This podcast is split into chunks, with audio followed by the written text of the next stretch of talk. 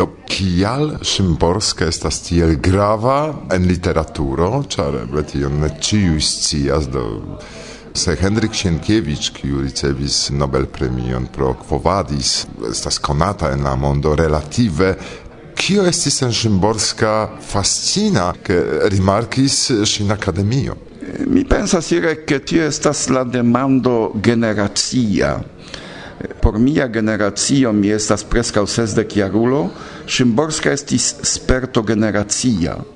Ŝiaj tekstoj akompanis ni, nie estis ĉe Szymborska. En mia generacio estis fasciniĝo pri Ulises de Joyce, pri La Marelo de Cortazar. Kaj mi pensas ke tio kunkreskis kun ni la postaj generacioj ŝanĝiĝis la literaturaj ŝatoj. Ekzemple Zbigniew Herbert eble estas sperto de via generacio ĉar estis milita stato, estis tiu politika situacio, poezio Herberta estis provo de dialogo kun la realo, por clarigi tiujn diversajn in kiuj venas kaj mi pensas ke Herbert jam ne estis mia generacia sperto sed via. Do tiu literaturaj shatoi kaj placoi divergas ankaŭ la aĝo de ĉefaj tradukantoj de tiu Szymborska sis giuste tiu homoj appartenantai al la sama generazio pli malpli, eble iom pli agia generazio, tiu antau lasta antau mia, sed tio estis nia comuna sperto, do tio non ni sentis ancau en traducoi, char ancau Chris Long, brito facte vivante en Anglio, eh, kiu konas la polan lingvon kaj tradukis multe la pola literaturo, ĉefe de Miłosz, sed ankaŭ de Szymborska, ankaŭ li estas tiu generacio, do tio estas iom distinga. La graveco de Szymborska estas, ke Szymborska dialogas kun la realo. Si acceptas la realon eh, tia kia gi estas, sed samtempe tiu realo acceptata de Szymborska elvocas en si amason da demandon. Ĉe Szymborska estas tiu, mi diru, ne plena fido al la mondo. Do Szymborska kiam akceptas la faktojn, tuj naskiĝas ĉe si demandoj, ĉu tiel devas esti, ĉu oni povas iri alian vojon. Kaj mi pensas, ke tiu generacia sperto pri kiu mi parolas, la komunisma sistemo komencis krevi tiam ni acceptis la realon kiu ne plene estis la nuna realo, ĉar estis ankaŭ diversaj limigoj, estas tiu periodo de tiu malfrua komunismo, ni komencis do, pli malpli doni al ni demandojn, ekzemple unu el la titoloj de la volumoj de Szymborska estas pytania zadawane sobie demandoj farataj al si. Do ni faris al ni tiajn demandojn. Tio estas tiu proksimeco do Pro tio, kiam ni elektis traduki Szymborskan, do tiu estis ankaŭ proksimeco de ŝia poezio, kiu ni konis, kaj ankaŭ tiu realo kun kiu ni ciam estas alfrontataj kaj en tiu alfrontado al la realo ciam naskiĝas novaj demandoj. Tiu dubemo mi pensas ankaŭ ke tiu turno punkto estis jarcento ŝanĝo kiam ciam venas eh, pensoj eĉ tragikaj nigraj. Kio okazos ĉu tiu nova jarmilo kiu komenciĝas estos eh, vere tiu tempo de felicio, mi pensas che nestis rapide curacita el tiu pensoi, char tio ne estis tempo de felicio, char tui ocasis tio, kio sequis la decunuan de septembre en Usono la homo havis iluzion, ke cio estas pli bone, sed subite venis tiu, kiel ciam okazas en la vivo, ke ni ne sentu nin tro certaj venis tiu tenso kontraŭ Twin Towers, kaj tio ŝanĝis tuj la perspektivon. Do tiu momento ankaŭ kiam oni rigardas la lastan fazon de la verkaro de Szymborska, ŝiajn lastajn poemarojn, kiuj ni preskaŭ en nia libro tradukis plene, eble sen kelkaj poemoj, Do mi pensas che estas la tuta balasto da tiui demandoi giuste. Tiu dubemo, ciu vere la mondo farigios iel razia, clarigebla laŭ normalai normoi, de la socia convivo, de la toleremo, de la accepteblo por diversai malsamajoi, ĉu tamen ni dronigos nin ci pli en abismon de bataloj, de malpazzo de necompreno de timo antaulalia alia, char generale ciui fobioi, ciui timoi venas kelkfoje mi demandas ĉu en Pollando estas antisemitismo? Mi diras jes estas. Sed estas iom stranga antisemitismo ĉar estas antisemitismo sen judoj ekzemple. Neniu kiu estas nun juna antisemito vidis iam ajn en sia vivo judon do tio estas stranga. Mi pensas ke oni devus iomete plivastigi tiun nocion do tio laŭ mi estas timo antaŭ fremdulo antaŭ iu alia kiel diris Ryszard Kapuściński kai ec la nuna situacio kiam venas ondoj da fugintoi mi pensas ke ne temas pri islamo pri religio pri ilia diverseco. Temas juste pri tiu timo antaŭ alia kiu venas kiu havas alian pens manieron kiu alie vidas la mondon kiu kredas iela alia dio tio estas tiu timo.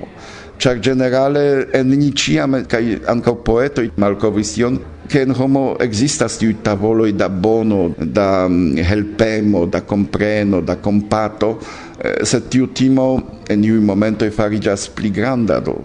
Eh, Generale in polando tiu problema estas complicat, Eh, ni ankaŭ estas eh, socio homogena, unu religia, unu lingva, do tiu diverseco ne estas.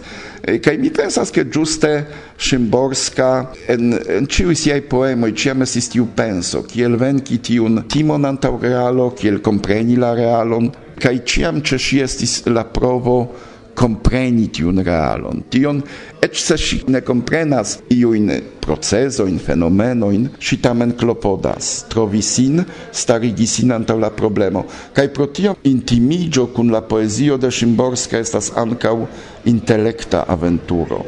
Szymborska ne estas poetino por ciui. Eh, vi diris pri Sienkiewicz, Sienkiewicz estas, mi tiel diru, popolezza autoro legata de ciui shatata kiu skribis por kuraĝigi la homajn animo in la tempo kiam Pollando estis forviŝita el la mapoj de la mondo e mi pensas ke existas poeto kiuj tamen elitece proponas eh, vidi la mondon. Al tiaj poetoj mi apartenigus tuj Szymborskan, Miłosz, do tiu libro jasence estas eliteca, estas libro kiu proponas al serioza leganto ekligi dialogon kun Szymborska per legado de la poemoj. Do pri agado kaj laboro ni scias, pri Wiesława Szymborska mem, pri la autorino de via interesiĝo ankaŭ, do rakonto pri la libro, kien oni povas ĝin akiri kotopa. Laboro pri tiu libro estis longa, ĝi daŭris du jarojn, la ideo naskiĝis unu jaron post la morto de Szymborska, Do kiel jam dirite ni komencis per uh, trovo de ciui tradukoj, ciui eblaj tradukoj de Szymborska. Ni elektis por nia libro la plej bonajn tradukojn, kiu ni opiniis vere taŭgaj por nia ideo. Ni ne tradukis ĉion iel ajn, do estis konkreta plano la autoro de la electo de la poemo, tio estas autora electo de la poemo, kiu devus eniri tian antologion, Tiun electon faris la frato de Lidia eh, Ligenza, profesoro Wojciech Ligenza, profesoro de la Jagiellona Universitato, kiu ankaŭ estas aŭtoro de kelkdeko da libroj pri pola poezio kaj precipe pri la verkaro de Szymborska. Do pli kompetentan homon ni certe ne trovus en tuta Pollando. Do li faris tiun elekton kaj li ankaŭ akceptis skribi en kondukon por la volumo, ĝuste surbaze de la elektitaj poemoj. Kaj ni iom post iom kompletigis tiun poemaron, kaj mi volas ĉi tie mencii unu nomon, ege gravan por la tuta entrepreno, mi pensas pri Istvan Ertl, nia amiko, tre conata esperantista traducanto, nun tempa redaktoro de Beletra Manaco, Istvan acceptis uh, la taskon provlegi, mi ankaŭ sciis ke Istvan tradukis kelkajn aferojn de Szymborska, do ili ankaŭ eniris la, la volumon. Istvan metis benedaktanan laboron en la volumon. Li kontrolis ĉefe la italaj tradukoj, ĉar kiel li mem ŝerce diris li trovis en la Eŭropunia biblioteko, ĉar li estas tradukanto ĉe la Eŭropa Tribunalo. Do ili havis belan kolekton da itallingvaj tradukoj de Szymborska. Fakte li faris mirindan laboron se vi vidus ekzemple tiun provlegan ekzempleron, vi vidus kiom da diversa ideoj, kiel ŝanĝiĝis la versoj, do eh, laŭ mi tio povus esti vere temo por bona laboraĵo, kiel traduki aŭ, aŭ kion konservi en traduko. Tiu laboro daŭris du jarojn, do eh, mi memoras eh, tiun poemon de Wisława Szymborska, cato en malplena logeio, ciam cato riproce diras prisia forpasinta signoro. Tiun poemon Wisława Szymborska scribis post la morto de sia partnero, trel stara verkisto Kornel Filipovic, kaj restis tiu cato en malplena logeio, kiu ne comprenas kio okazis, ĉar signoro subite estis kaj ne plu estas kaj tiu kato diras tion oni ne faras al la kato? riproĉe.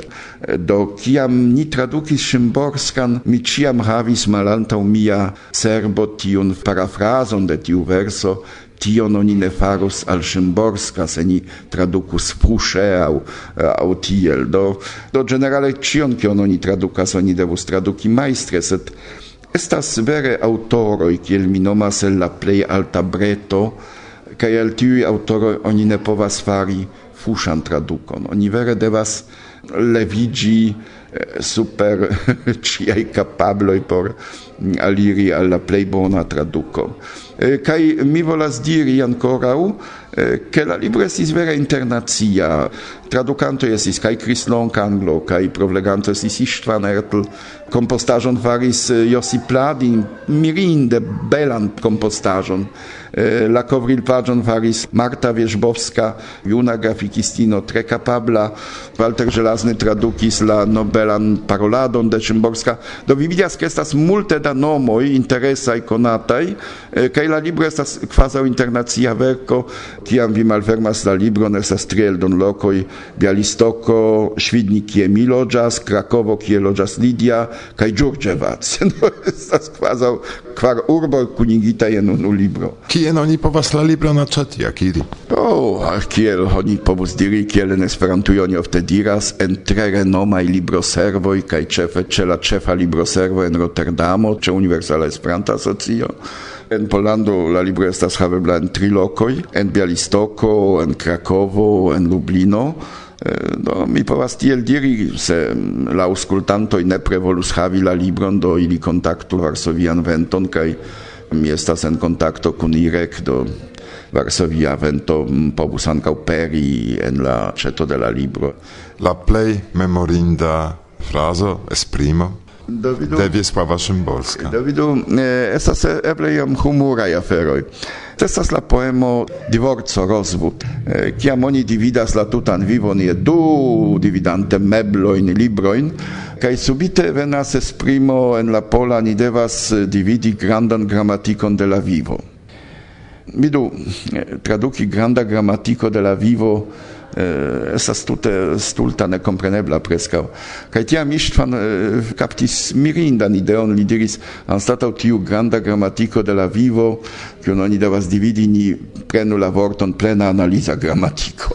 Do por esperantisto estas libro, brico, complete nealirebla, nelegebla, eh, sed mi pensas che tia plena analiza gramatiko estas vivo de ciu homo, eh, do dividi tion estas ankaŭ tre malfacile, kiel dum divorco, do eh, mi, mi gioias che estas giuste tiu esperanta accento, pure esperanta, quasau, mm, quasau idiomajo, ec oni povus diri, Do estas tiaj momentoj. Do mi pensas estas multaj versoj, ekzemple estas eh, poemo Entombigo, pogrzeb, kiu konsistas eble el eh, trideko da frazoj, da fragmentoj de frazoj auditaj kiam oni staras en la homamaso do circau la tombo staras ploranta familio, malesperanta, char forpasis proximulo, cae inter la funebrai gastoi staras diversai personoi, eh, kiu intertempe parolas pri stultaĵoj, al iuj ne plaĉas la pastro,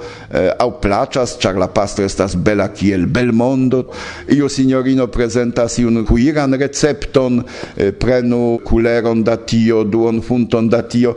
Eh, Do vidu, et ce tia aranĝo la homoj havas tute penso in cui ne samas kun la penso de la funebranta, ploreganta familio. kai tia interparolo estas normala. Do Szymborska, kielo ni vidas, tre bone konas la vivon, realaĵojn de la vivo. Ŝi ne troigas, do kio estas ŝatinda ĉe Szymborska.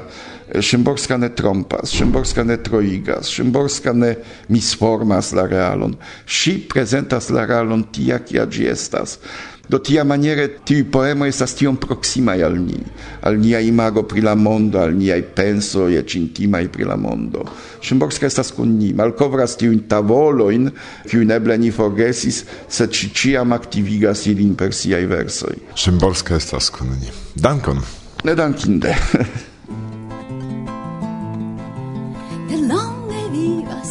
trankvile surprizon jam ne havas vi kaj preskaŭ mi humilas pri vivaj ironi mi havas griskoloran veston por ciu tage vesti min kaj malproksime estas de grizaj tagoj fin mi jam delonge ne donacoj sali ruĝajn florojn sed espero min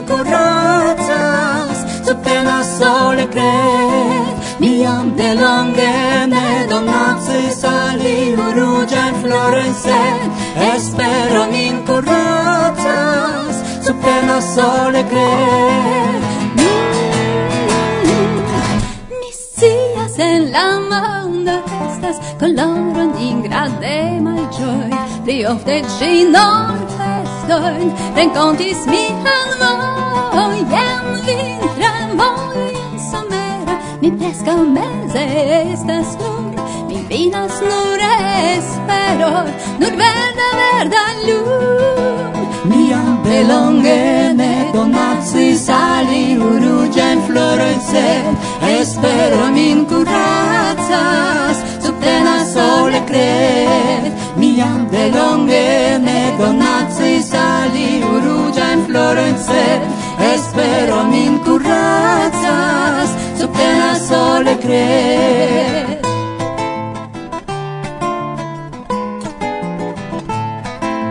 Uh, uh, uh, sali, Uruguay, Florence, espero min pensas subtenas sole cre mi jam de longe ne donacis sali iu en floro en sed espero min curacas subtenas sole cre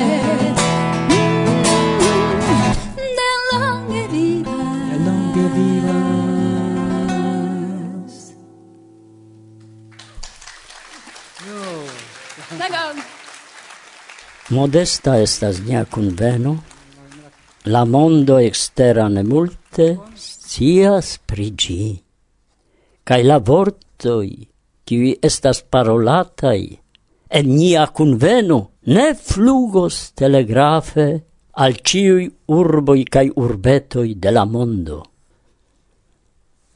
Sed ni ciui sentas nin kiel membroi de unu familio, cae la unuan foion en la homa historio, ni membroi de la plei malsamai popoloi, staras unu apud alia ne kiel fremduloi, ne kiel concurantoi, sed kiel fratoi.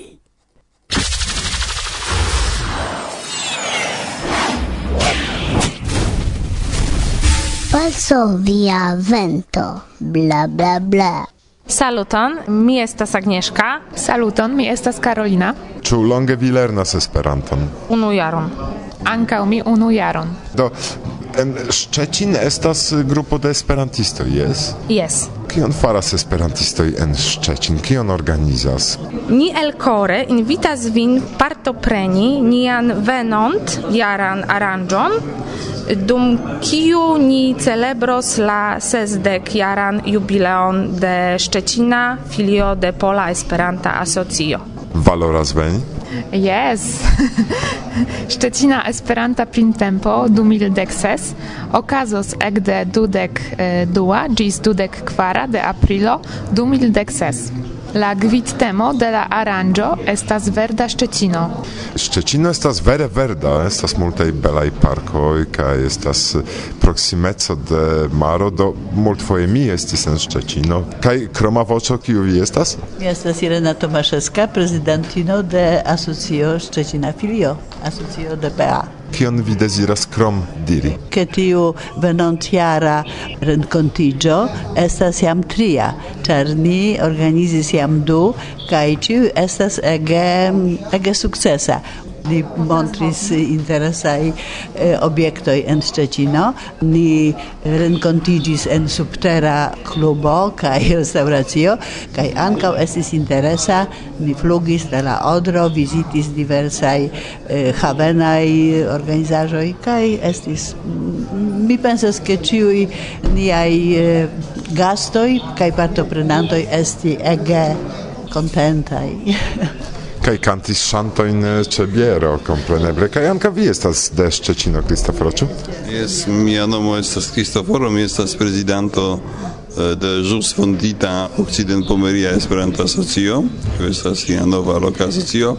Eh, ni kunorganizas venontjaran Szczecinan Esperantan Printempon kaj ni ancora invitas vin. Tio estas eh, la mia opinio povos esti tre interesa tritaga aranĝo do mi pensas ke ĉiu estos tre kontenta se venos eh, venontjare al Szczecino.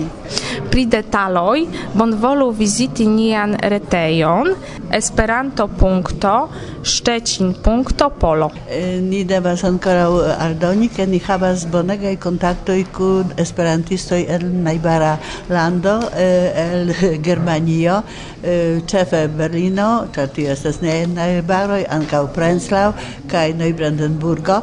Ili ĉiam invitas nin kaj ni invitas ilin. To Esperanto kunlaboro. Koran dankon en la provizora studio de Varsovia Vento, ĉe Arcones parolis Agnieszka, Karolina. Irena?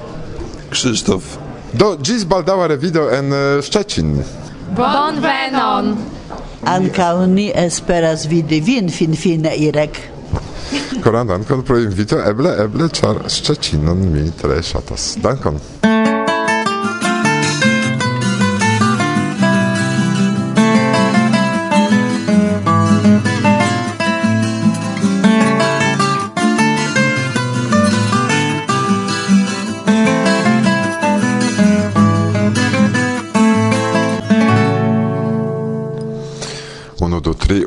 tri Volus mi, volus ne, ne, mi volas fakte interparoli kun vi. Antaŭ mikrofono de Varsovia Vento. Anjo amika. Saluton. Saluton al ĉiuj aŭskultantoj de Varsovia Vento.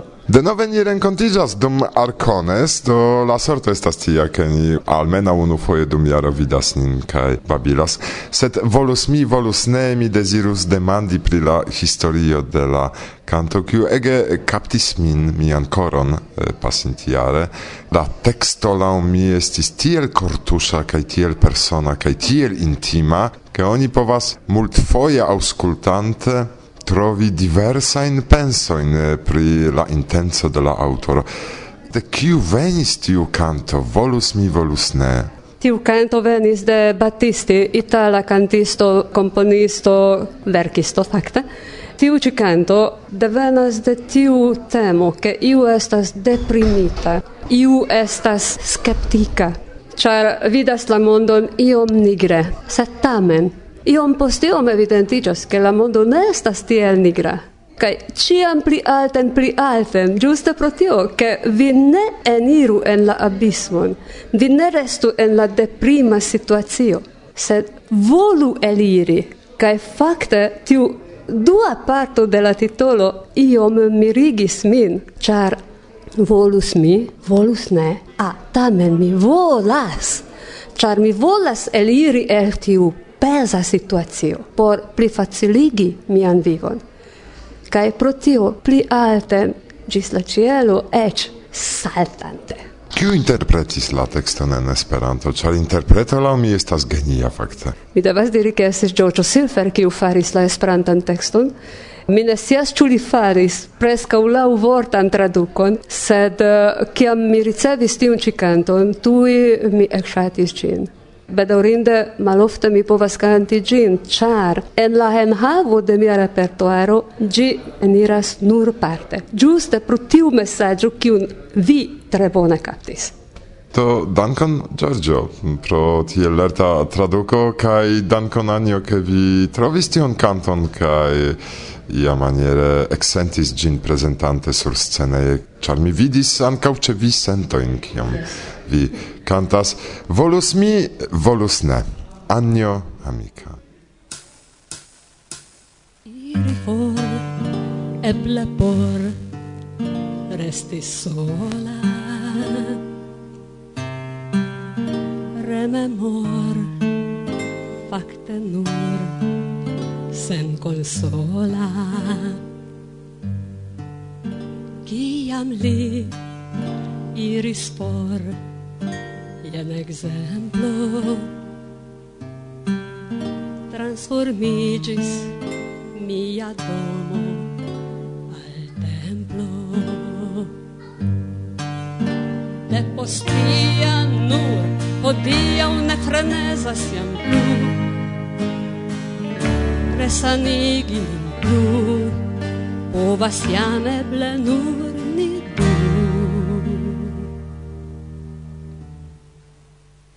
Estas ni eble jam pli proxime. Volus mi, volus ne sed nur se. Ciu sufficias rifo por haltigi maron Ec ne tuta clifo povas tugon mare Lassen lazura Cae la verdo terra la songiad in vita la reden subita gis ciel aperto super la deserto cae de nova alto per plei grande assalto.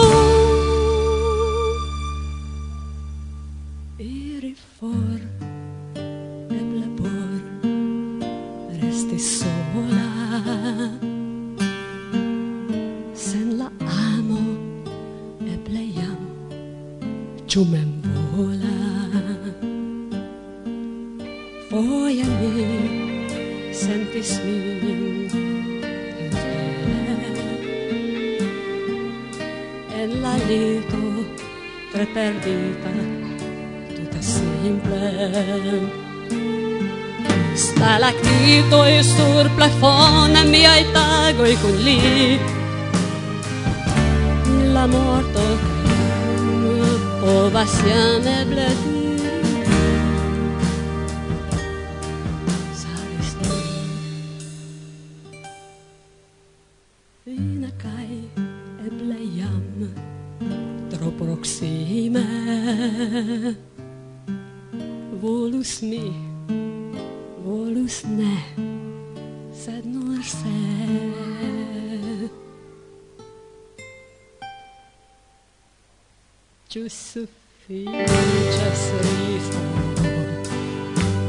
Alpigim máron, Ecsnetút a klifot, Ovas dugon bári, Lásen lim lazura, Kaj la verdo terra, La songiada in vita, La reden subita, Gis aperto,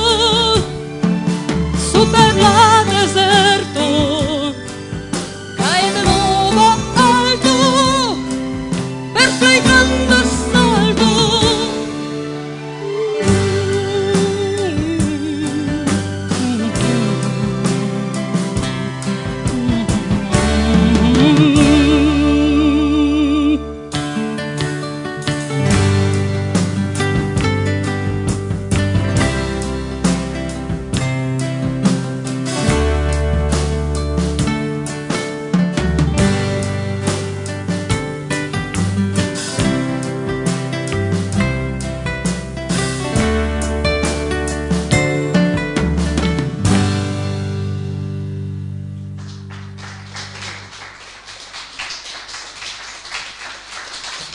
por andar en Conagri. Eh,